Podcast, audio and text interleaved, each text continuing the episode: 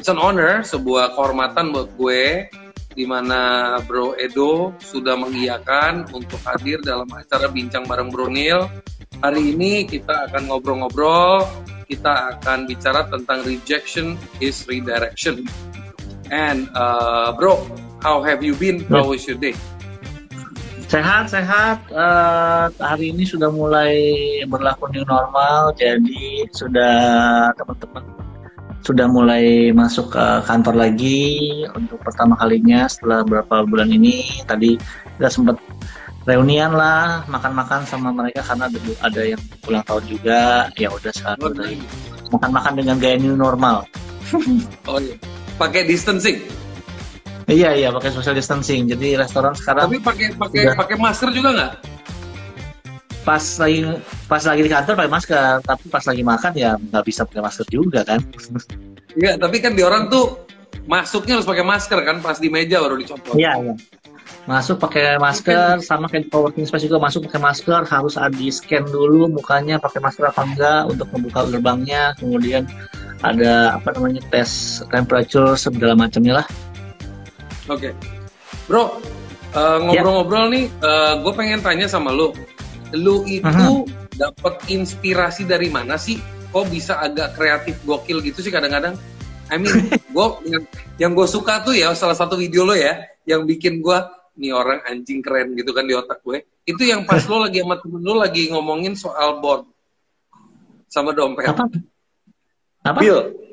Jadi lo bikin Bill video dompet. TikTok, Bill, Bill sama dompet. Oh. Jadi yang satu lagi lihat dompet kaget, yang satu lihat hmm. dompet kaget kosong gitu itu gue suka banget iya, iya iya iya Iya iya. Ya kebanyakan sih kalau ide-ide gitu sebenarnya ada yang apa namanya uh, challenge memang sudah dibuat sama si TikToknya. Jadi uh, ada tren-tren challenge, ada tren-tren lagu yang bisa dimanfaatin. Jadi sebenarnya nggak mentah nggak mentah juga kalau TikTok ataupun Instagram. Tapi kalau YouTube memang agak mentah. Kita harus mikir dari awal apa yang lagi trending, apa yang lagi pengen diomongin sama orang, baru kita ciptakan apa namanya dari topik itulah apa yang relatable sama orang-orang dan penonton saya gitu.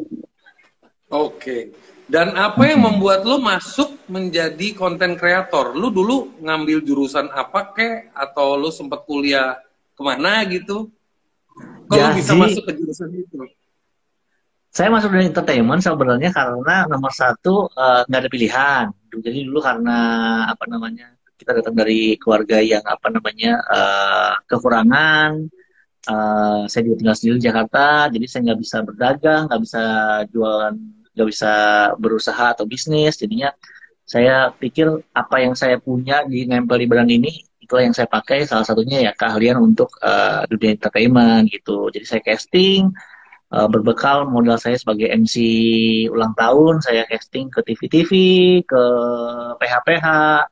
Dari sanalah baru saya uh, mulai tahu bahwa saya ternyata tidak cocok untuk di TV karena ditolak terus, ditolak terus, ditolak terus. Tapi saya nggak nggak mau patah semangat. Uh, akhirnya saya coba bikin portfolio di YouTube. Saya kirimin ke TV-TV lagi, ternyata tetap tidak diterima. Tapi ternyata Jadi penolakan ya, dokter penolakan ya? Iya iya iya iya. Kayak kayaknya seribu kali casting paling cuma satu kali yang tembus. Itu pun cuma ya udah cuma se selewat aja gitu. Uh, terus waktu itu tahun 2009 apa 2010 waktu itu zamannya netizen masih sangat suportif dengan netizen-netizen yang lainnya. Gak seperti sekarang kan, berbeda sekali. Soalnya dulu zamannya kasus masih hot kan kebanyakan mahasiswa-mahasiswa luar, luar negeri kan mahasiswa-mahasiswa yeah. Amerika yang itu di forum Indonesia. Uh, jadi mereka sangat suportif sekali begitu gue posting uh, di Kaskus ternyata ada ada dua tiga orang yang nonton uh, ternyata mereka kasih semangat wah ini bagus nih bisa jadi youtuber dari Indonesia. Padahal dulu belum kepikiran apa itu youtubers? Uh, apa itu istilah youtubers? Saya cuma tahunya saya upload YouTube aja. Ya dari sana ya saya pernah dua tiga orang itu uh, sampai sekarang uh, perlahan tapi pasti uh, puji Tuhan diberkati sampai 3,7 juta subscribers. Wow, amazing. Bro, Ada dalam proses ya. rejection, rejection after rejection itu ah. lo nggak sempet kayak udah ah, gue masuk kerja kantoran atau gue uh, I don't oh. know, should I just take some studies or anything? Oke, okay, jadi uh, jadi after rejection, after rejection, after rejection, saya paling mentalnya adalah saya akhirnya ke Jepang untuk ngadu nasib. Saya ingat banget waktu itu saya uh, apa namanya, saya audisi untuk VJ Han, MTV hmm. VJ Han. Hmm. Itu saya sama Boy William waktu itu jadi jadi empat besar. Saya, wow. Boy William, terus ada dua or satu orang lagi orang Inggris satu lagi satu lagi cewek yang uh, hmm. apa semua saya lupa namanya keturunan Indian gitu.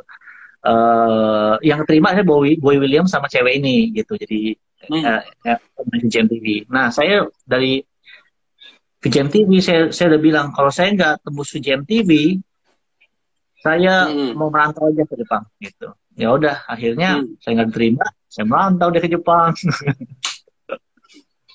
Gitu. Itu yang paling berat sih. Saya nonton di Jepang terus di sana di sana uh, grow up sih grow up as a, as a mentality karena di sana kerja kasar uh, apa namanya kerja sabutan nggak punya rumah terus nah, sampai sempat tidur di hutan juga waktu di Jepang karena uh, ya di sana tidak seindah anime anime Naruto lah pokoknya Itu lo umur berapa ya. tuh bro? Waktu lo di sono lagi umur berapa tuh bro? Aduh, dua, umur 20-an lah, gue gak tahu. Kayaknya 20-an? 20. Iya, 20 kayaknya sih. Lupa saya 2000 berapa itu ya.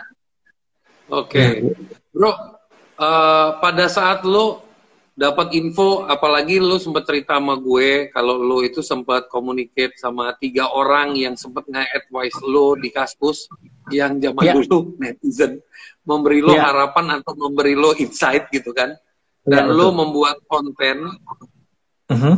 ini kerennya nih lo membuat konten untuk entertain tiga orang itu kan iya. di awal iya iya nah? iya betul betul betul waktu itu saya masih jaga warnet waktu itu Uh, jadi karena saya jaga warnet, jadi saya lumayan gampang akses internet kan untuk upload-uploadan gitu. Jadi mm-hmm. ya udah ya dua tiga orang itulah yang saya saya bikin video untuk dua tiga orang itu ketawa aja. Gitu. Saya saya sama paling teman-teman saya yang di warnet apa namanya uh, mungkin suka ketawa-tawa kalau saya bikin video gitu. Dan itu buat membuat saya seneng sih. Dari dua okay. dua tiga orang jadi lima belas orang saya ingat terus ya bertambah-tambah terus lah. Saya hmm. waktu zaman saya jadi youtuber susah banget sih. Pertama orang nggak tahu apa itu YouTube sebagai sebuah platform. Kalau sekarang semua tahu apa itu. Begitu ngomong itu langsung iya. oh. Kalau sekarang dulu dulu YouTube tuh apa? Friendster hmm. Iya. Facebook. Zaman dulu masih Friendster ya. Iya. Sebelum Facebook ya, ya. Iya, betul. Gitu. Nah, Itulah dari situ ya, dari situ lo pas masuk ke YouTube itu dan lo lagi berkarya berkaryanya lo di YouTube itu lu mengenal informasi atau mengenal uh, AdSense segala itu di zaman-zaman itu kan nggak gampang, bro. Dan lu juga. Okay. Pertama saya tidak pernah merasa diri saya berkarya ya. saya cuma posting video-video video-video aja gitu. Saya nggak tahu kenapa kata berkarya itu begitu mudah dikatakan uh, sama anak-anak zaman sekarang ya karena di generasi saya kalau kalau dibilang karya itu harus harus Mona Lisa gitu harus oh oke okay, oke okay. definitionnya udah harus benar-benar masterpiece jadi gue cuma ya gue cuma posting video aja lah pokoknya di sana hmm. ya nggak ada pikiran nama AdSense karena memang dulu belum ada AdSense di Indonesia atau saya yeah. tidak mengerti sama sekali tentang AdSense. Iya. Yeah. And then baru lu sempat bilang Lu sempat bilang juga tentang stand up comedy, bro. Like you had a passion. Iya. Yeah. Enggak, enggak, enggak. Kalau stand up comedy enggak sih. Saya uh, dulu lebih ke ke sketsa karena saya dulu pernah di kampus Extravaganza, pernah lebih ke acting komedi sih sama presenting. Hmm. Kalau stand up comedy zaman saya belum ada istilah stand up comedy. Hmm. Zaman 2010 di Indonesia kayaknya belum kenal stand up comedy. Begitu Raditya Dika lah yang yang bawa dan populerin itu dan itu tahun 2010 kayaknya baru mulai ada stand up comedy zaman saya belum ada. Tapi lu waktu itu udah mulai ngikutin stand up comedy dari luar kah, dari internet kah, atau no, no, no. never know uh, anything about it? saya gue nggak ngerti sama sekali tentang stand up comedy tapi gue ngerti uh, tapi gue punya apa namanya gue punya role model yaitu Ryan okay. Higa Ryan Higa dibilang stand up comedy nggak juga lebih ke vlogging sih uh, apa namanya okay. uh, sketches uh, komedi sih gitu. Okay. karena lebih lebih banyak apa kalau stand comedy kan cuma ngomong aja di satu kamera kemudian mengutarakan pendapatnya. Tapi kalau sketches kan lebih banyak uh, adegan-adegan uh, yang dibuat-buat yang acting kayak kayak film pendek itulah. Gitu. Bro what made you yeah. made that warteg bro? I'm still confused. Warteg itu jadi people biasa gini loh bro. Jadi gini orang itu kan kalau udah masuk ke satu fase dia struggle habis itu dia iya. reject yeah. reject reject ini kan sebuah contoh rejection menjadi redirection jadi uh-huh. lu habis begitu banyak rejection, lu kayak ke redirect gitu loh. Untuk bikin konten yeah. di YouTube, mulai bikin konten di TikTok dan sebagainya. Lu tuh kayak di redirect yeah. sama alam semesta. Dan habis itu lu kamu punya idea, ya kan? Bahasa gue memang kayak begitu. Jadi lu di lu kamu punya idea of making warteg and you make it gratis and then how.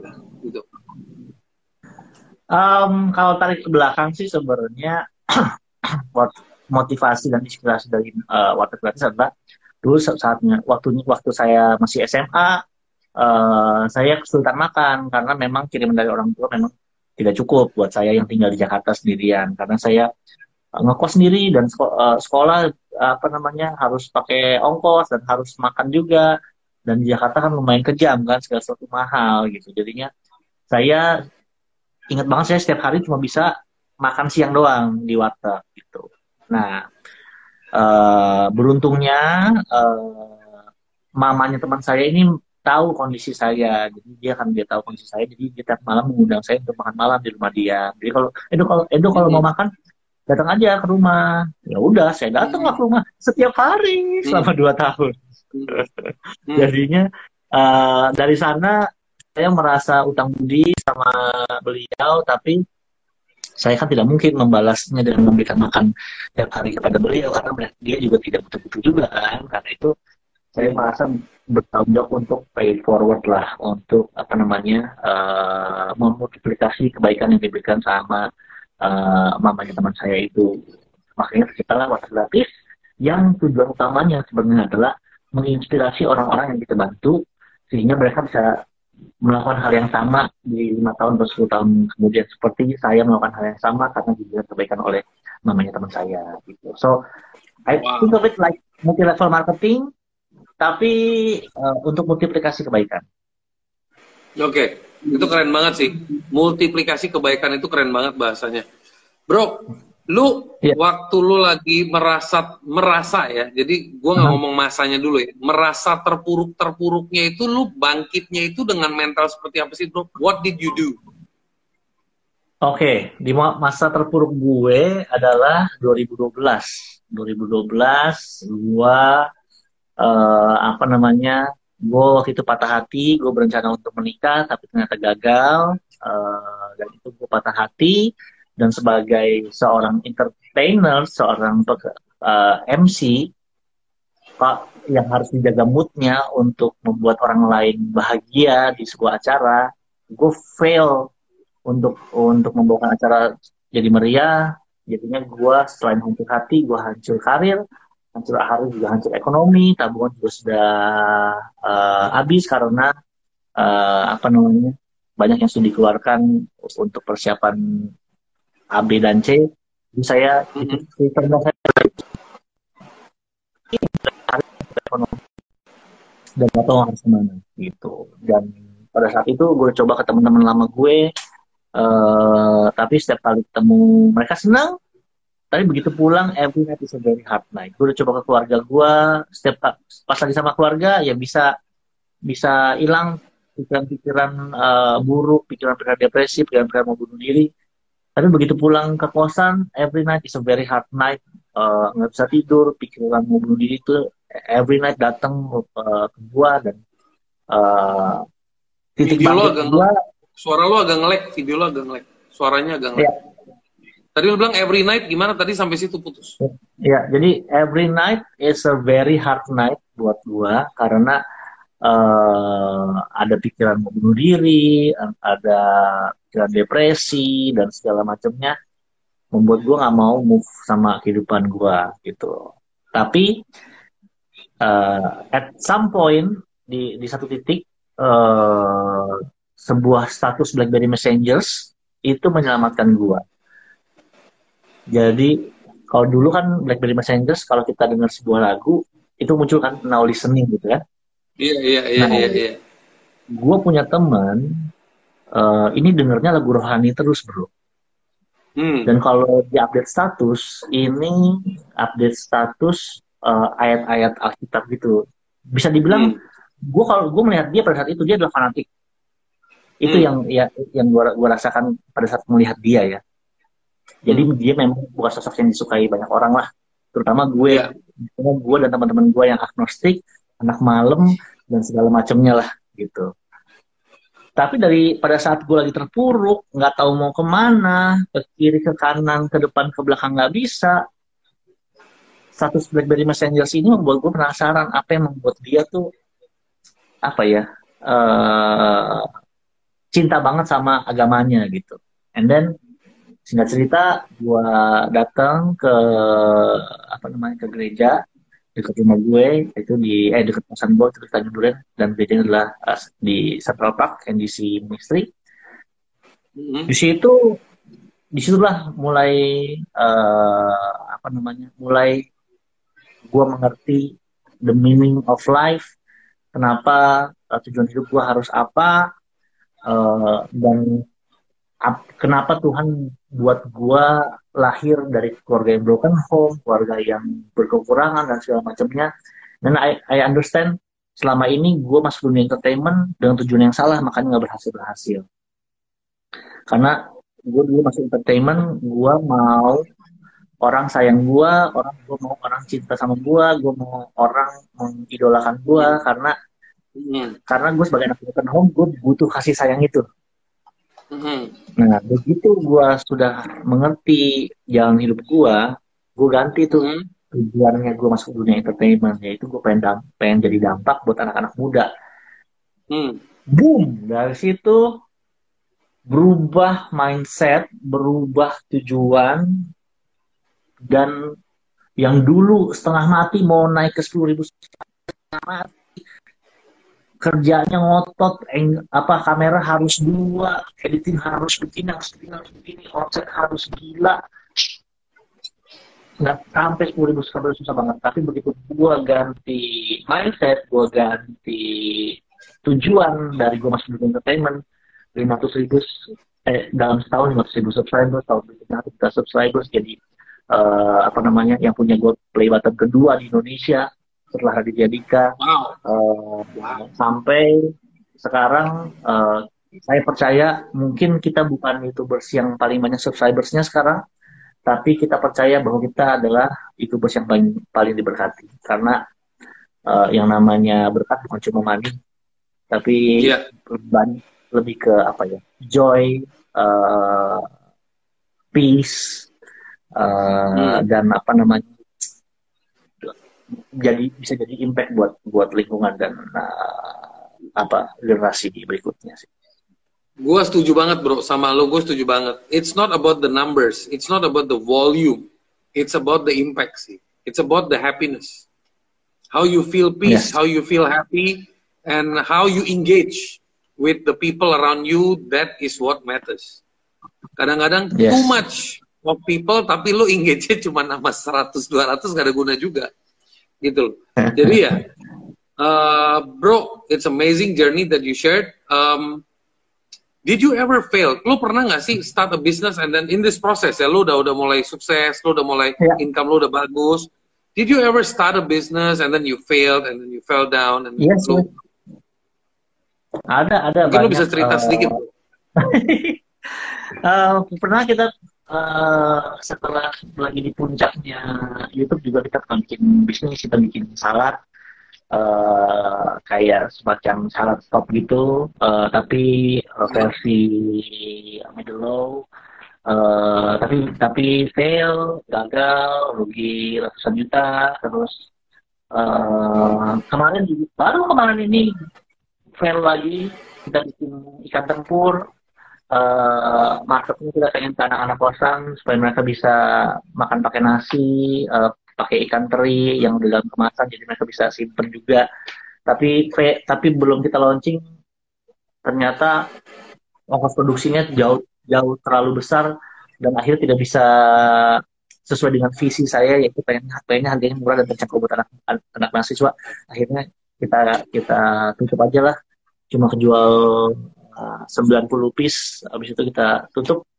Kita sisanya kita bagi-bagiin aja di warteg gratis. Jadi ya kalau gue gue sekarang berpikir kalau lebih baik kita coba terus kita gagal dan kita move on daripada kita cuma uh, mikirin itu ide kemudian uh, idenya cuma jadi ide.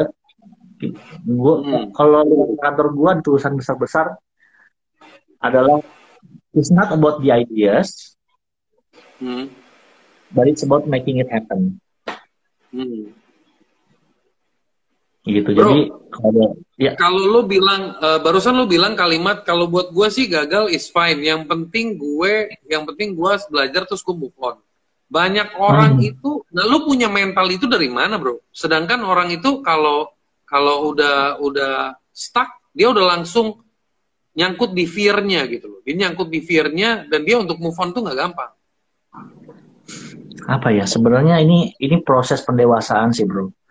Uh, karena gue sudah pernah jatuh jauh sekali. Jadi pada saat gue gue merasakan kegagalan-kegagalan ini ya gue selalu bilang ya I've been worse lah.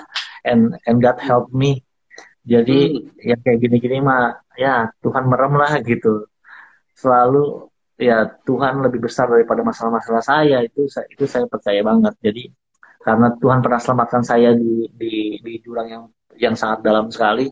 Jadi kita, kalau kita kesandung kesandung atau jatuh uh, tinggal jalan lagi aja. Tinggal tinggal apa namanya tinggal lakukan yang terbaik aja. Hmm. bro. Yes. Yang sekarang lo lagi mau kerjain apa nih abis pasca covid bukan pasca covid oh, uh, yes. during the new normal Yes, yes. Jadi uh, saya punya kekhawatiran. Jadi beberapa person selama masa COVID ini kan banyak yang kena PHK, banyak yang dirumahkan. Uh, jadi after PSBB ini, uh, sekarang sih sebenarnya saya sudah lagi jalan, lagi meeting online terus untuk untuk apa namanya untuk uh, usaha baru kita yang mudah-mudahan uh, bisa membuka uh, apa membuka lapangan pekerjaan buat orang banyak gitu. Jadi uh, sneak mungkin bulan depan kita sudah mulai ada franchise uh, supaya nomor satu tujuannya kalau saya pribadi adalah pengen buka banyak lapangan pekerjaan di Jabodetabek dan juga daerah-daerah uh, sih gitu sih. Jadi mudah-mudahan uh, works karena uh, apa namanya saya sih feeling work sih karena sudah sudah berdoa sudah di approve kemudian bersama teman-teman sudah berpengalaman juga jadi uh, mudah-mudahan sih lancar. Oke, okay, and uh, gitu. bidang yang akan lo launch lebih ke mana nih yang lo mau ciptain pekerjaan lapangan pekerjaan buat teman-teman? Lebih ah, ke lebih ke apakah? Iya, FNB. Karena saya suka makan dan juga memang channel kita kan uh, food and travel, jadi saya uh, percaya makanan yang akan kita buat franchise-nya ini ini enak banget. Dijamin. Dijamin pokoknya. So, saya soalnya udah soalnya yang teman partner saya ini jago banget bikin makanan. Itu kalau makan tuh air liur langsung risin mantap deh pokoknya ditunggu lo ngomongnya aja bikin gue lapar sih itu enak banget enak banget itu wah gila juicy banget deh Bro, uh, yes. kalau gua kalau gua minta tips dari lo nih buat teman-teman ya, hmm. gue minta tips dari lo buat teman-teman. Uh, orang itu dalam kondisi yang yang sekarang nih penuh dengan fear, yeah. penuh dengan confusion, uh, bingung mau ngapain, uh, gimana mau melangkah ke depan, nasib gua gimana, what next yeah. gitu. lu lu mau kasih advice seperti apa sih bro? Untuk teman-teman pengusaha ya terutama ya, untuk teman-teman pengusaha ya. yang mungkin uh, usahanya lagi ngerem atau mungkin sedang uh, tertati atau sedang jatuh, this is a new chance untuk start over and learn something new. Gitu. New hmm. normal itu harus di embrace. Gue tahu hmm. kalau perubahan ini apa namanya menggoncang, nggak nyaman, apa segala macam, tapi this is the chance untuk semua karena you are not alone bukan cuma cuma kamu hmm. pengusaha satu-satunya yang sedang mengalami ini semuanya sedang mengalami hal yang sama jadi istilahnya kalau lagi lari lomba lari nih ya kan kalau lagi lomba hmm. lari bukan cuma lu doang yang melambat atau jatuh. Semuanya jatuh. Hmm. jadi it's fair. Hmm. jadi karena semuanya jatuh it's fair. Yang harus di mindset adalah pada saat gue jatuh gue ngapain? Apakah gua apa namanya mengeluh dan guling-gulingan di di apa di trek lari kita? Atau gua mikir apa yang harus gue lakukan? Apa gue harus ganti sepatu? Apakah gue harus cari trek lain? Ataukah gue harus apa kerja sama sama musuh gue nih yang sebelah kita gendong-gendongan kayak atau bagaimana? So this is a new time untuk learn something new, terutama adalah the power of digital the power hmm. of social media. Karena new normal ini nomor satu yang paling tidak terdampak sebenarnya adalah pekerja-pekerja digital. Karena mereka sudah terbiasa yeah. WFH. Uh, jadi saatnya belajarlah sosial media marketing itu seperti apa sih, digital marketing itu seperti apa sih, gitu. Teman-teman si uh, lu kan punya Caliber Works kan, mungkin teman-teman hmm. bisa datang ke Caliber Works gimana caranya nih gue bisa bisa activation digital marketing gue gue juga oh iya gua juga bisa banget bisa banget. yeah. gue juga ada social media agency kecil-kecilan yang baru kita rintis kemarin. Kita juga bantu orang bikin bikin konten di TikTok dan juga Instagram. So this is a good time untuk orang-orang untuk mulai belajar something new belajar dari uh, keluar dari zona nyamannya mereka. Amazing bro. Bro uh, menurut lo dalam yes. proses ini orang itu harus meningkatkan skill apa sih bro? Supaya dia bisa survive di dalam uh, abis keterpa pandemik ya? Abis keterpa pandemik skill apa sama kalau bisa industri apa yang perlu dia gelutin menurut lo dari pandangan lo perspektif lo doang? It's it's so easy itu digital. Udah pasti digital. Skillnya apa? Okay. skill digital. Udah kelar. Gimana caranya kelar, membuat bisnis bisnismu digital? Udah. Dan, dan apa semua sudah sedang melakukannya semua sedang belajar. Kalau kalau lu nggak mau bergerak sekarang akhirnya lu ketinggalan lagi tapi lu merasa nggak sih kalau habis kondisi pandemik ini habis work from home kalau kita ngomong di tiga bulan ya. terakhir ini hmm. yang mendadak pada bikin konten mendadak pada bikin maksudnya bikin konten di YouTube bikin konten di ya. IG bikin konten di Facebook udah kayak setan ya. banget banyaknya gitu kan nah iya betul and betul uh, itu akan jadi overrated apa justru itu akan membuka peluang bro? Kan Ini kan kadang-kadang orang suka mikir ya. Iya, iya, iya. Sebenarnya gue selalu percaya begini. Semua orang punya niche-nya dan marketnya masing-masing. Cuma uh, bagaimana orang nggak nggak serakah aja. Karena hmm. kalau dulu kan konten-konten dikit. Saya, Raditya Dika, hmm. Benda Kribo, Tendra Leo. Jadi semua orang hmm. terpaksa untuk kita gitu. Karena dikit. Hmm. Tapi sekarang kan semua sudah banyak. Yang suka fashion ada youtubers ini, yang suka bisnis ada youtubers ini, yang suka handphone ada youtubers ini, yang yang yang suka yang suka gaming ada youtubers ini. Jadi tidak bisa serakah lagi. Lu harus benar-benar niche dengan dengan dengan orang-orang yang memang lu punya kesamaan sama lu dan ya apa namanya birds of the same feather flocks together orang-orang yeah kalau lu uh, suka bisnis ya orang-orang yang suka bisnis juga akan follow lu kok gitu jadi kuatin niche-nya aja jangan jangan serakah mau ngambil semua lapisan masyarakat udah that's not the game plan anymore. Apalagi semakin banyak konten kreator kan makin makin niche makin niche. Gimana caranya yang niche itu bisa jadi apa namanya bisa jadi uh, apa namanya komunitas. Komunitas bisa jadi lingkar dalam jadi dalam bisa jadi pasar bisa jadi market bisa jadi konsumen bisa jadi apa namanya uh, apa namanya bisa jadi reseller apa segala macam itu yang bisa harus diaktifkan diaktifkan diaktifasi. Amazing. Bro sambil sambil kita sedikit menyapa ya. audiens ya. Jadi kayaknya yes, yes. banyak tadi gue perhatiin pada nanya bahas apa kok. Jadi hari ini uh, kebalik. Harusnya gue yang interview dia di channel gue. Tapi tadi nggak jadi loading aja. Jadi gue yang masuk ke channelnya Bro Edo. Oke salam kenal. Nama saya Sunil hari ini acaranya bincang bareng Bro Neil. Jadi gue tuh menginterview uh, Edo. Edo gue ngefans juga sama Edo. So I'm same like you guys. Dan uh, topiknya itu rejection is redirection. Itu uh, penolakan yang menjadi berkah. Penolakan yang menjadi blessing gitu. Jadi dari jerninya Bro Edo itu gue cukup terinspirasi bahwa dia itu melewati sekian banyak penolakan dan sekian banyak situation akhirnya menjadi blessing gitu dan dia bisa menjadi content creator yang menurut gue very very authentic menurut gue. Jadi uh, ya kan orang itu bisa ikut-ikutan. Kalau ini menurut gue autentik banget dan kadang-kadang kocaknya juga bikin gue ketawa sendiri gitu. And uh, ya gue cukup uh, cukup apa ya cukup bersyukur kalau lo uh, bersedia untuk gue interview. Dan thank you banget karena tujuan gue pengen membuat orang lebih dapat resonansi positif. Ya kan? Kadang-kadang orang tuh cuma melihat oh he is just another influencer uh, dan sebagainya dan sebagainya. Tapi they don't know the pain that you go through gitu kan? Sebuah sebuah perjalanan itu kan penuh dengan tantangan yang lo lewatin. Itu sih. Oke okay, anyway. So, uh, tapi kita bawa kocak dikit aja, bro. Jadi, yeah. hal terkocak apa yang terjadi dalam journey lu pada saat lu menuju ke content creation, bro? Hah? Maksudnya apa nih? Pada saat jadi content creator?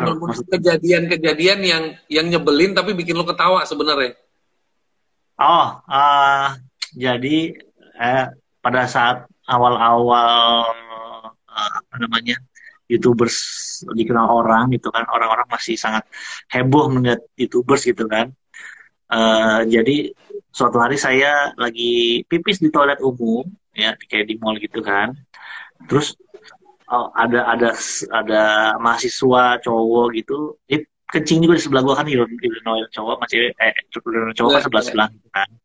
Kemudian yeah. dia lihat gue gitu kan dia bilang oh Edu yang youtubers ya? Terus gua kan lagi kencing kan gitu. Kan oh iya iya iya. Boleh minta foto nggak? Ah uh, sekarang? gitu iya iya iya. Saya lagi padahal saya lagi lagi masih lagi kencing posisinya boleh nanti setelah kita kencing bersama oh iya iya. Kok maaf kok maaf kok. Ya udah. Akhirnya dia nungguin di luar. Jadi apa namanya se excited itu sampai lupa bahwa kita sedang sama-sama sedang uh, kencing. Dia mau, masih mau berfoto dengan saya yang kencing itu lucu sih. Ya itu uh, menurut gue udah udah udah shock deh dia harus momennya itu dia nggak mau kehilangan momen bro. Iya. Dia nggak mau kehilangan momen sih tapi nggak pada saat saya tidak pakai celana juga kan. Ya gue gua gua mau ngebayangin aja udah aneh gitu kan. Lagi kencing tau ada yang nyapa mau foto? gitu kan. Gokil. Iya mau foto sama saya atau sama yang di bawah? Uh, traffic gimana hari ini bro? Gue masih belum keluar sih, gue masih WFA. Traffic hari ini udah mulai full nggak? Traffic sebenarnya dari kemarin udah mulai full juga sih. Sekarang ya lebih full lagi. Tapi tadi sih saya nggak nggak keluar di, di rush hour. Uh, jadi masih ya masih forgivable lah. Bro, hmm. lu bisa kasih advice atau langkah awal nggak buat teman-teman yang sekarang merasa jobless, mendadak jobless, mendadak jobless? Oke, okay What should they uh, do? Buat teman-teman yang mendarat jobless, uh, nomor satu sih belajar, belajar uh, research di internet. Pergilah ke warnet kalau nggak ada kuota. Kemudian browsing lah. Sebenarnya sekarang itu nggak perlu punya kerjaan untuk punya pemasukan. Banyak banget apa namanya cara kita dapat pemasukan dengan dengan apa yang kita punya yang penting asal mau se se ini ininya nih se, se non skill non skillnya di internet isi survei aja dibayar. Iya benar sih. Benar itu gue nggak kepikiran loh. Benar banget loh. Iya, isi survei aja dibayar. Masuk ke website orang aja dibayar. Yang penting mau usaha untuk cari, mau usaha hmm. untuk belajar, baru nanti uh, tambah-tambahin skill terus. Karena sekarang adalah zamannya di mana skill itu lebih dinilai dibandingkan gelar kita. Itu saya saya punya kru masuk ke saya kebanyakan mereka belum lulus kuliah malah ada yang cuma lulusan SMA tapi karena apa namanya pada saat di interview attitude-nya baik uh, dan mau belajar uh, dan mau dibimbing semua sekarang keren-keren kerjaannya. Malah dulu saya punya satu editor tidak bisa ngedit. Satu bulan saya gaji cuma buat belajar satu bulan saya suruh dia menonton internet belajar. Tapi karena dia editornya bagus punya kemauan sekarang jadi senior editor. Dan jadi editor yang paling keren di di kita. Gimana sih orang agar menciptakan attitude yang baik sih bro? Oh itu ada istri saya yang jago. Jadi uh, biasanya di interview uh, istri saya lumayan keras karena dulu dia juga apa namanya punya pengalaman kerja di bank kan. Jadi kalau di interview sama istri saya teman-teman mungkin ada yang trauma tapi memang dia galak banget pada saat lagi interview. Jadi kelihatan kalau pada saat ditekan orang tuh kelihatan aslinya. Apakah dia apakah dia ngelawan cara dia bereaksi dalam tekanan cara dia apa jawab pertanyaan. Uh, itu sih yang yang bisa akhirnya bisa kelihatan gitu. Sama sama sama kadang-kadang kita uh, kasih tes tes tersembunyi lah yang apa hmm. namanya yang uh, trik-trik HMD lah itu mah tapi tapi saya ini adalah tipe orang yang nggak takut untuk berhentiin orang bro karena hmm. karena saya percaya pada pada saat uh, dia masuk ke saya kemudian tiga bulan uh, trial uh, atau udah udah setahun sama udah setahun sama kita pun kalau memang uh, saya merasa dia tidak cocok di jabatannya sekarang atau tidak berkembang di di pekerjaannya yang sekarang, saya uh, tidak segan-segan untuk untuk memberhentikan karena saya merasa daripada saya menahan dia di sebuah pekerjaan yang dia sudah tidak passion, dia akan jauh lebih bermanfaat di uh, pekerjaan lainnya dan dia bisa lebih ber, bermanfaat dan berguna bagi perusahaan lain. Saya selalu percaya itu. Jadi saya memang orangnya apa namanya uh, turnover gitu. Hmm. karena ber, berkaca sama diri saya sendiri saya juga dulu ditolak-tolak diberhentikan sana sini tapi semua ternyata untuk kebaikan saya sendiri untuk grow as a person and as a uh, as a okay. jadi you can be kind but you can be firm ya. When it's wrong it's wrong. When it's time it's time gitu ya. Ya ya ya gitu. Oke okay. at least I got to see that part bagus. Jadi uh, keren. Jadi uh, memang itu leadership sih menurut gua. Leadership itu memang di situ. Jadi you can you can you know waktunya to have fun you know waktunya to be serious you know when to be firm you know when to be kind. Ada waktu-waktunya sih. Amazing. Bro gua mau ngucapin terima kasih banget atas yes. waktu lo Gue mau ngucapin terima kasih banget buat teman-teman yang nonton. Semoga mendapatkan manfaat yang mungkin udah kenal Bang Edo atau Bro Edo, The Man, ya bagus. Tapi kalau nggak, at least hari ini bisa melihat sisi lo yang lain, ya melihat the kind part of you, the struggling part of you. Ya kembali lagi buat teman-teman, uh, eh, gue belajar juga dari dia bahwa kalau kita dalam hidup itu mengalami kegagalan atau penolakan, itu artinya kita lagi diarahkan, diarahkan yang lebih baik penolakan itu lebih mengarahkan. Itu sih thank you bro. Thank you so much yeah. buat uh, sharing lo. Amazing banget. Thank you. Uh, stay in touch. See ya. Oke. Okay. thank you bro